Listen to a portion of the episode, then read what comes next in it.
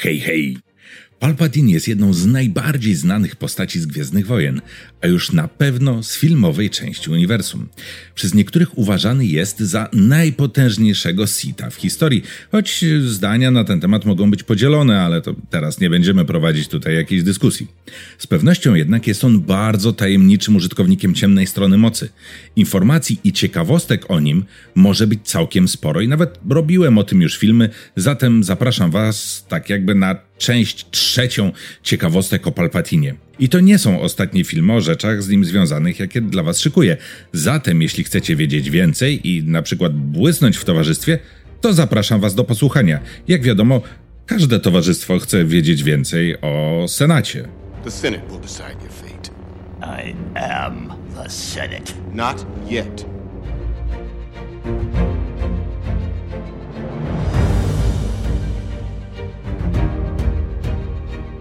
Ciekawostka numer jeden.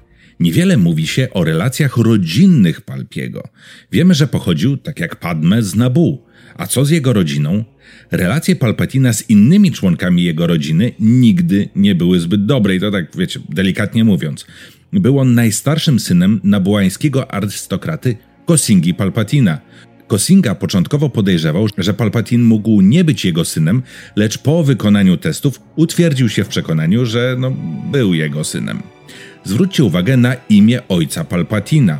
W jednym z poprzednich materiałów mówiłem o planowanym imieniu imperatora jako Kos albo Kosz Palpatine. Widać, koncept brzmienia tego imienia wraca do nas jak bumerang. W każdym razie, obaj mężczyźni darzyli się nienawiścią przez wiele lat, a czwórka jego rodzeństwa również traktowała przyszłego kanclerza jak wyrzutka. Z ojcem mieli nawet zupełnie odmienne poglądy polityczne. Było to przyczyną licznych kłótni. Gdy Palpatine poznał Hego Damaska, który sekretnie był mrocznym lordem Sithów, ojciec chciał oddzielić go od Muna, wysyłając go na Chandrillę.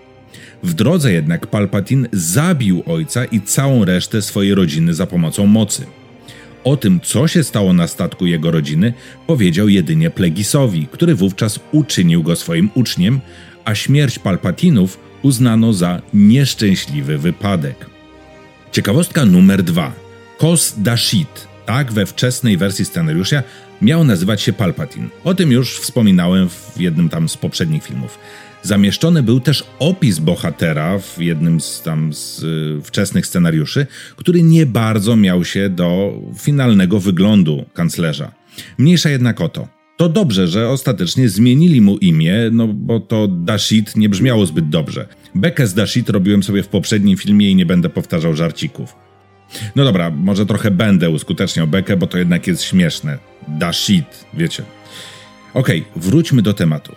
Później z kolei miał nazywać się Son Hat. Co więcej, w 2013 roku wydano miniserię The Star Wars, która nie należy ani do legend, ani do kanonu, w której występuje Kos Dashid, który jest imperatorem i pasuje do opisu z wczesnego scenariusza.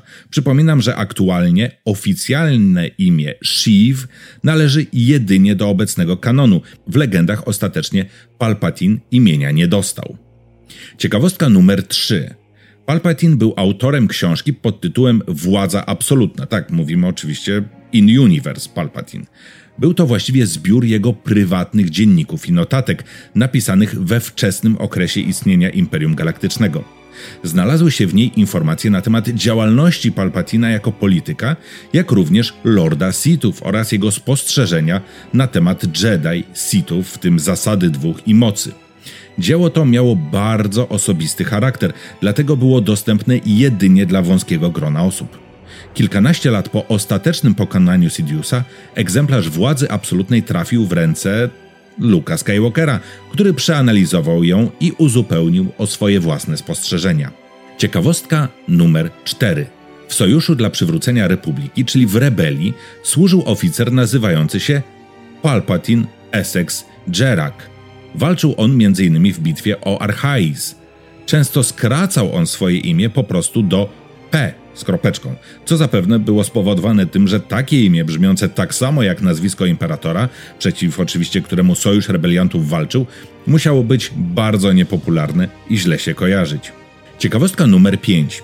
Kilkanaście lat temu, a konkretnie w październiku 2005 roku, mieliśmy w Polsce wybory prezydenckie. Wówczas w niektórych miastach pojawiły się plakaty takie jak ten, który widzicie na obrazku. Miał to być swego rodzaju komentarz do ówczesnej sytuacji politycznej. Człowiek władający silną ręką, człowiek potrafiący zwalczać korupcję. Lista numer 66, Liga Zjednoczonej Galaktyki. Wiecie, akurat na fali była wtedy zemsta sitów, to i takie nawiązania na naszym polskim podwórku były i one to w sumie nas fanów trochę cieszyły. Kiedyś to były czasy, a teraz to nie ma czasów. Ale ja bym chyba na tego imperatora z plakatu nie zagłosował. Chociaż może się nie znam. Dajcie znać w komentarzu, czy zagłosowalibyście na Palpetina jako na prezydenta Polski. Mogłoby być ciekawie, tylko kto na kim wykonałby rozkaz 66. Hm. Dzięki wielkie za oglądanie. Zapraszam do Biblioteki Osus, gdzie możecie dowiedzieć się więcej o Palpatinie lub ogólnie o czymś z uniwersum Star Wars. Linki do kanonicznego i legendarnego hasła o Palkim znajdują się na dole w opisie filmu. Wpadnijcie też na naszą grupę na Facebooku Rycerze Osusa, wpiszcie w wyszukiwarkę Facebooka lub na Discorda, a jeśli chcecie wesprzeć finansowo działalność biblioteki, to poproszę bardzo o wsparcie przez YouTube'a.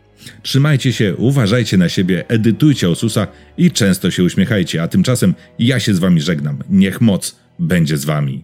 Pa pa!